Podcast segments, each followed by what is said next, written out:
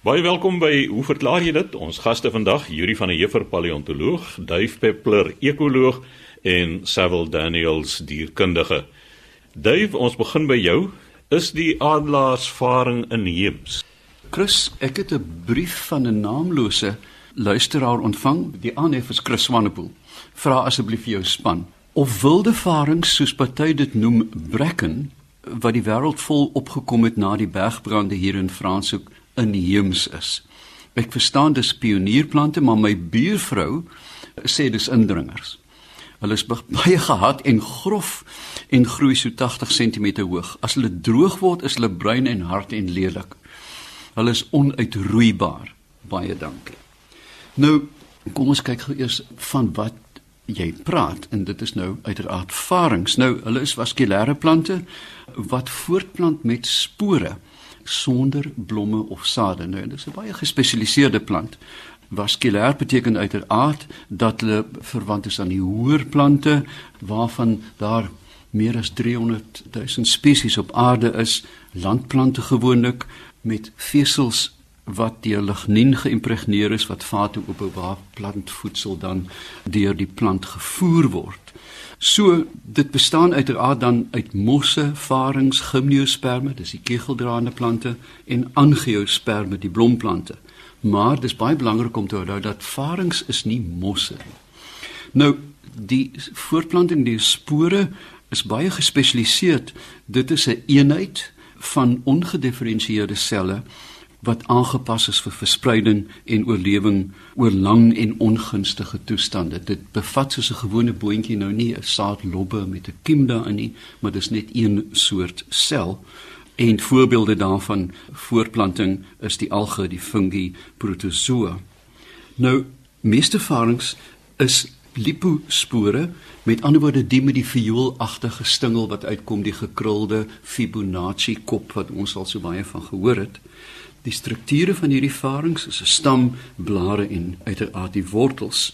Hulle het kruipende stolons, dit lyk byna na 'n verdikte wortel van die epifiete wat mens baie in die tropiese woude kry en baie van hulle het groot houtagtige stamme soos ons van die boomvarings weet, veral in Suid-Afrika, hulle kan tot 3-4 meter hoog word.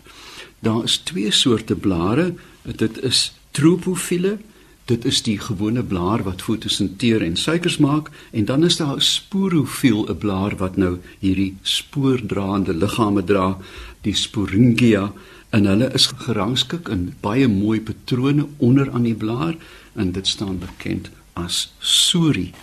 Hierdie plante is nie net beperk tot skaduryke woude nie, maar ook op hoë berge, droë woestyne, wel selfs in die Sahara is daar varings in rotskeure en oop water vreemd genoeg. Daar is 'n indringer varing met die naam van Azolla wat nou in Suid-Afrika posgevat het wat reuse veral in die Kaap groot waterliggame oortrek en alles versmoor. Dis 'n ernstige onkruid van die gewone varings, die adelaarsvarings weet ons van Skotland dat hulle erg indring veral as jy baie brand en oorbewei. Hulle voorkeur habitats is natuurlik skadikolle in woude, rotskeure, suur vlei lande en hier is waar Frans Hoek nou in die spel kom en uiteraard tropiese bome. Nou die lewensiklus van hierdie spoor, alhoewel dit 'n baie eenvoudige orgaan is, is uiters kompleks en die terminologie daarvan sal ek my tong in 'n knoop moet sit.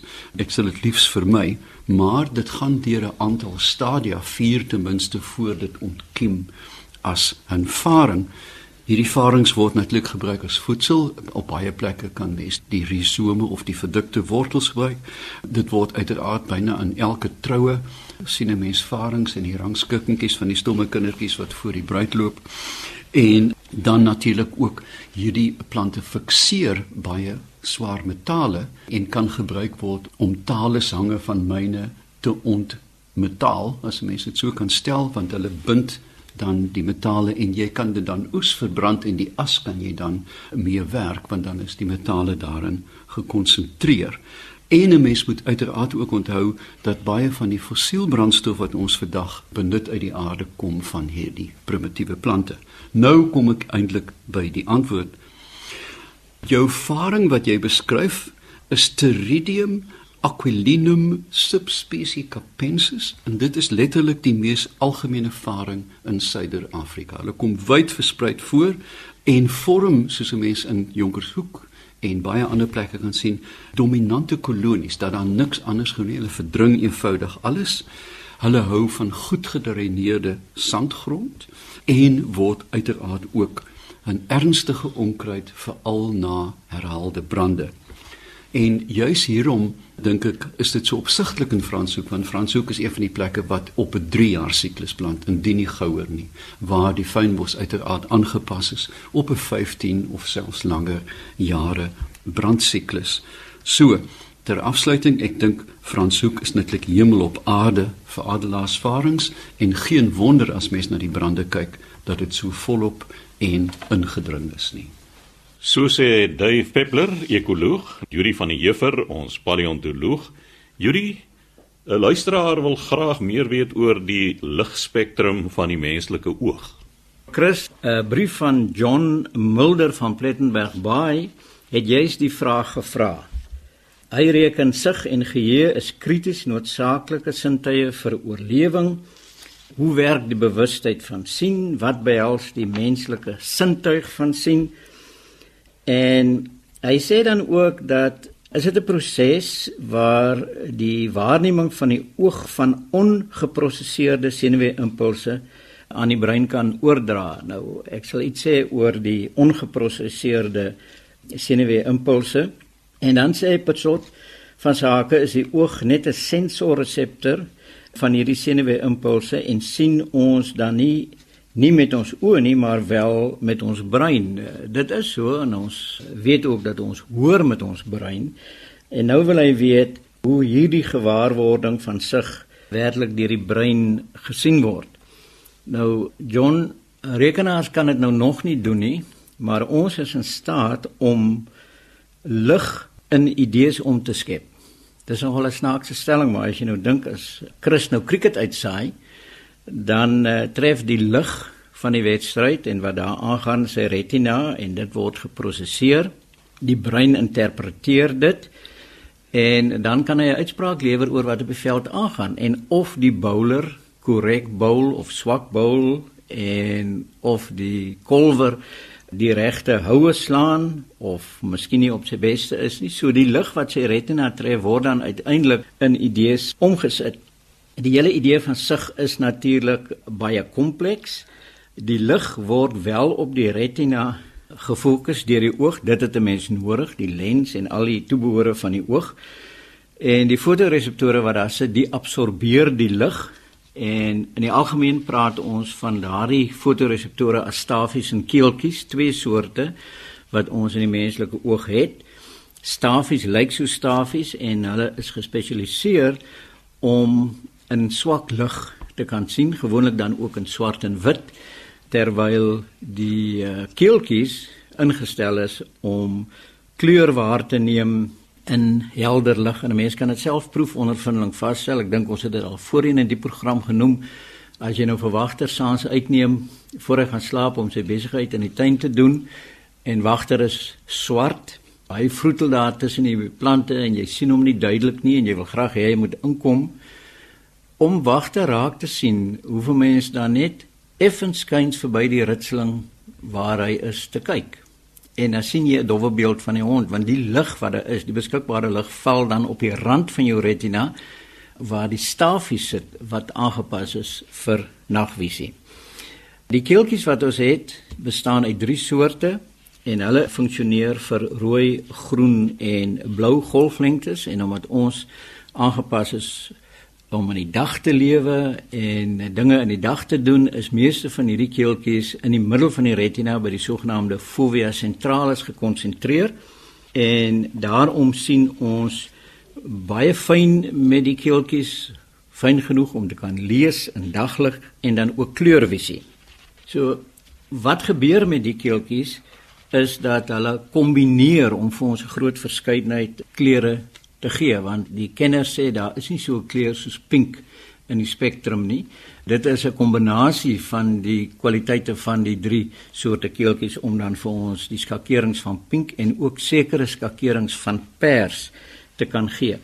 John, jy praat van ongeprosesseerde impulse. Dis nie heeltemal so nie want daar word tog 'n bietjie proseswerk gedoen in die oog want in die retina lê daar 'n laag selle wat as interneurone bekend staan en dan lê daar ook 'n laag ganglionselle en uh, hierdie selle neem verskillende kombinasies waar sodat uh, dit vir ons verskillende skakerings gee. Dit kan blykbaar ook die rande van skaduwees 'n bietjie duidelik maak en dan word die boodskap deur die tweede kopsenuwee die nervus opticus deurgestuur na verskillende dele van die brein waar dit dan uh, geïnterpreteer word. Nou die uh, sigbare spektrum van lig soos ons dit verstaan is die deel van die elektromagnetiese spektrum wat ons kan sien. Ons oë reageer op die golflengtes in hierdie gebied en dit val min of meer tussen 400 en 700 nanometer. So ultraviolet lig en infrarooi lig val buite hierdie spektrum en uh, dit kan ons dan nie waarneem nie. Nou die sigbare golflengtes lê in 'n gebied wat ons die optiese of sigbare venster noem want dit oorvleuel met ons sigvermoë.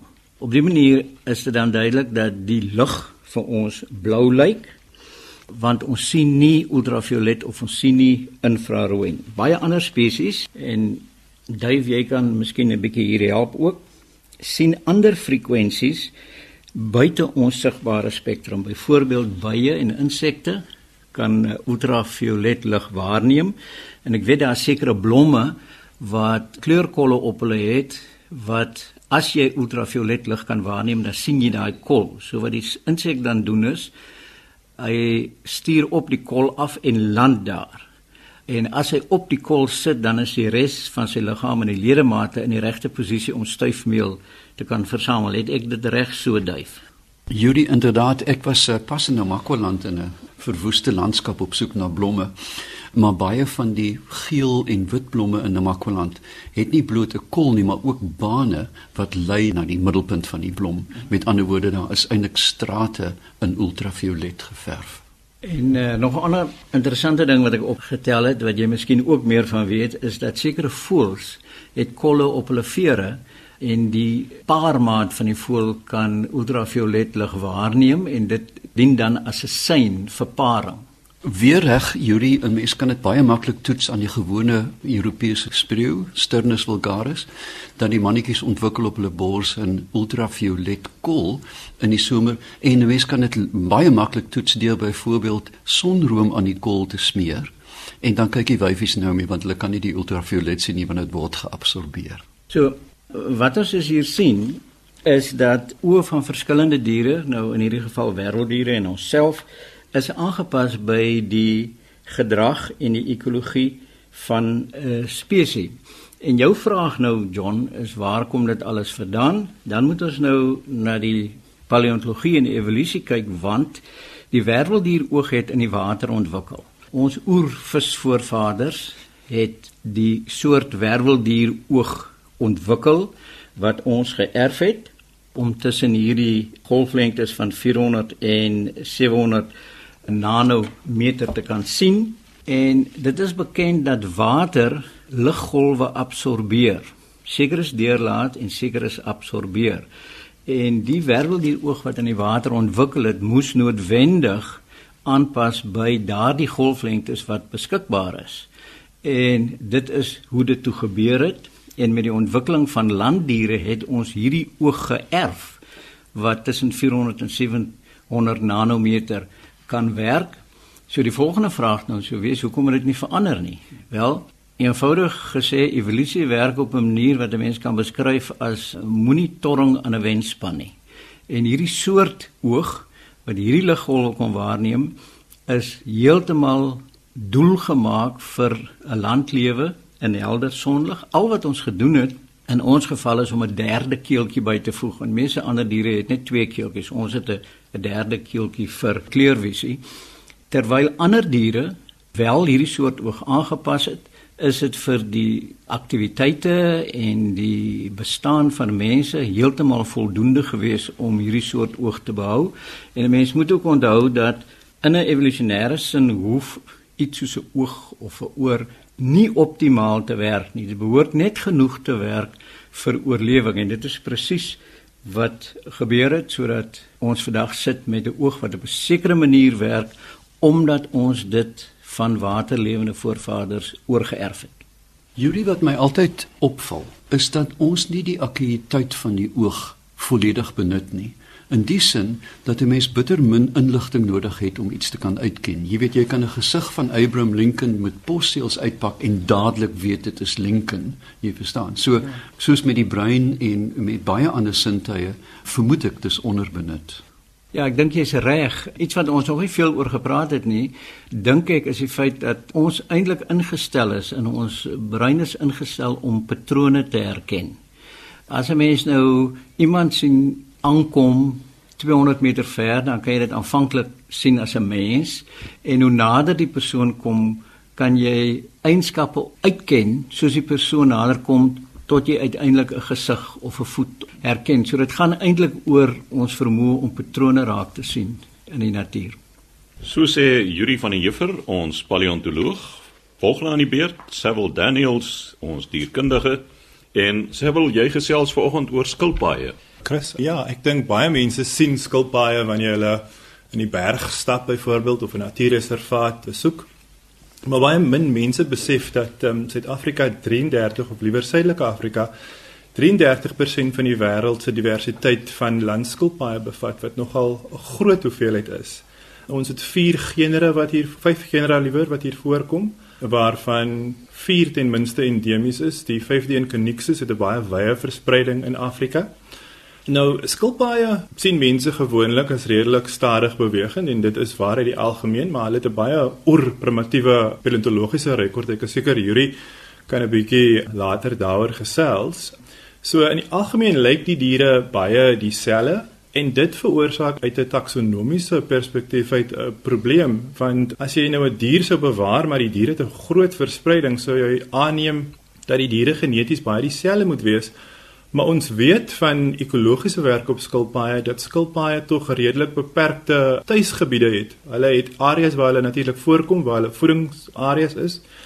So in die algemeen beweeg die diere nie so ver soos wat 'n mens sou dink nie. Ook uit 'n taksonomiese perspektief het die mense histories morfologiese kenmerke gebruik om die diere van mekaar te diferensieer. Maar ons weet dat die doppe wat ons by die skilpaaie sien tog groot variasie kan toon en die variasie kan wees as gevolg van die ouderdom van die dier, as gevolg van die geslag van die dier, as gevolg van die dieet van die dier, as die dier byvoorbeeld baie hoë vlakke blomme het wat in die dieet voorkom, gaan daar baie hoë karotinoïde in die in die dop wees, so die dop gaan 'n kleur wees.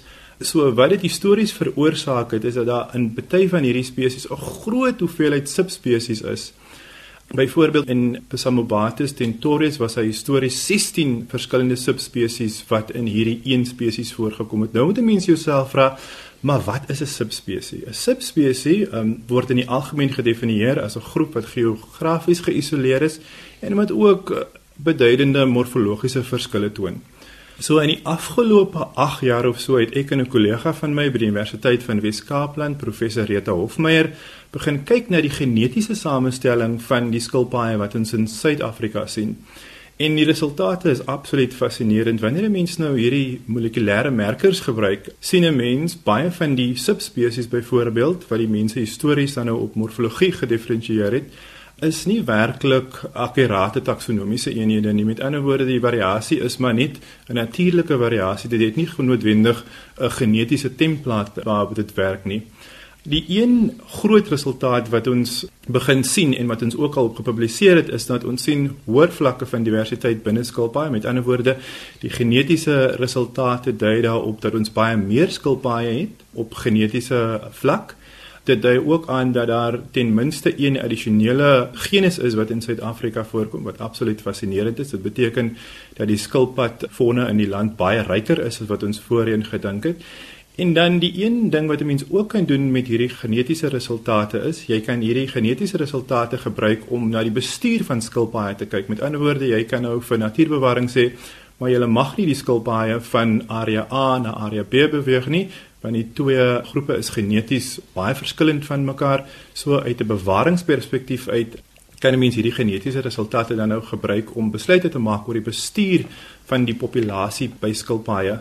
Jy het nou net gepraat daarvan dat julle vir natuurbewaring kan adviseer oor die verwydering van skilpaaie uit gebiede, maar doen julle nie dit ook in die wildbedryf nie? As iemand nou wil 'n klomp bokke, wildsbokke Namibië toe uitvoer, en dan doen julle seker genetiese toets om te sê dit kan of dit kan nie. Jury is absoluut doodreg. 'n Mens kan natuurlik hierdie genetiese merkers ook gebruik om na ander werveldiere te kyk en te sê dat in opsigte van hulle bestuur kan 'n mens nie die diere byvoorbeeld oor 'n grens neem nie want die diere is twee bestaan uit twee genetiese poele wat dan nou nie vermeng moet word nie.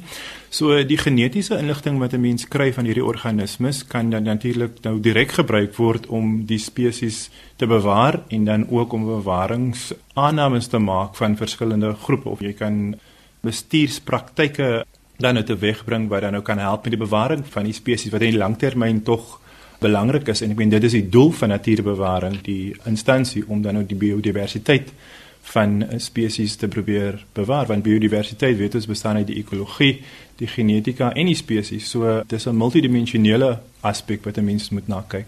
Sevel, hoekom is dit een van 'n skilpaaie groot? Ja, interessante vraag, Dave. Histories was die Stigmocheles, die genus wat jy nou na vernoem, die luiperdskilpaaie, hulle was in die genus Geochelona. Is nou as jy nou die woord direk vertaal, die aardskilpaaie sal mense nou sê. Hulle is uit 'n filogenetiese oogpunt die suster takson van die genus Psammobates. Nou dit sluit nou hierdie suurpotjies in wat hoogs bedryf is wat mense hier in die Kaap kry. Daar is 'n geneigtheid vir die diere om groot te word teen teen een as gevolg van een of ander omgewingsfaktor wat dit gaan beïnvloed, maar dit dit lyk ook of dit kan gebeur op 'n hele aantal plekke onafhanklik. Met ander woorde, daar's nie werklik 'n proses wat dit lyk of wat dit probeer verminder nie, want as jy nou kyk na die Psammobates, hulle is nie vreeslike groot hier nie, hulle is redelik klein. So Dis 'n interessante vraag. Ek het nie werklik 'n antwoord vir jou nie, maar die Geochelona, die genus, kom nou gebaseer op molekulêre werk net in Suid-Amerika voor. Hulle is nie so wye verspreiding soos die mense in die ou dae net met morfologie gedink het nie. So Stigmocheles, die genus wat jy nou spesifiek na verwys, die bergskilpaaie. Hulle is die suster takson van Psammobates. So hoekom hulle spesifiek so groot raak? Dit is 'n fascinerende vraag. Ek het geen werklike antwoord vir jou nie. As jy nou praat van Samobates as 'n klein skilpaadjie wat eintlik hier in die Suidwes-Kaap voorkom, is die Suidwes-Kaap nie in 'n sekere sin half geïsoleer min of meer as ons aan dink as 'n eiland nie. En uh, dikwels op eilande raak die fauna kleiner. Malta se klein olifantjies en nie goed. Wat is die verspreiding dus van die bergskap? Het hy nie 'n wye verspreiding in 'n groter gebied dalk wat kan toelaat dat hy groter word nie? Die bergskilpaaie in in Suid-Afrika het 'n baie groot verspreiding, jy's absoluut korrek. Hulle kom in Suid-Afrika voor van die Oos-Kaap af al die pad tot in Botswana, hulle gaan op tot by Kenia, tot in Somaliland.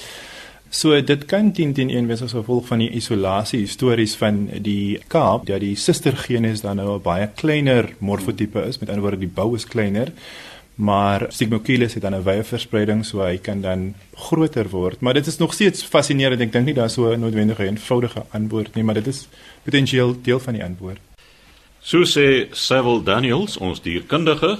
daarmee het ons aan die einde gekom van vandag se program. Skryf gerus aan ons by hoe verklaar jy dit? Posbus 2551 Kaapstad 8000 of stuur 'n e-pos aan chris@rsg.co.za.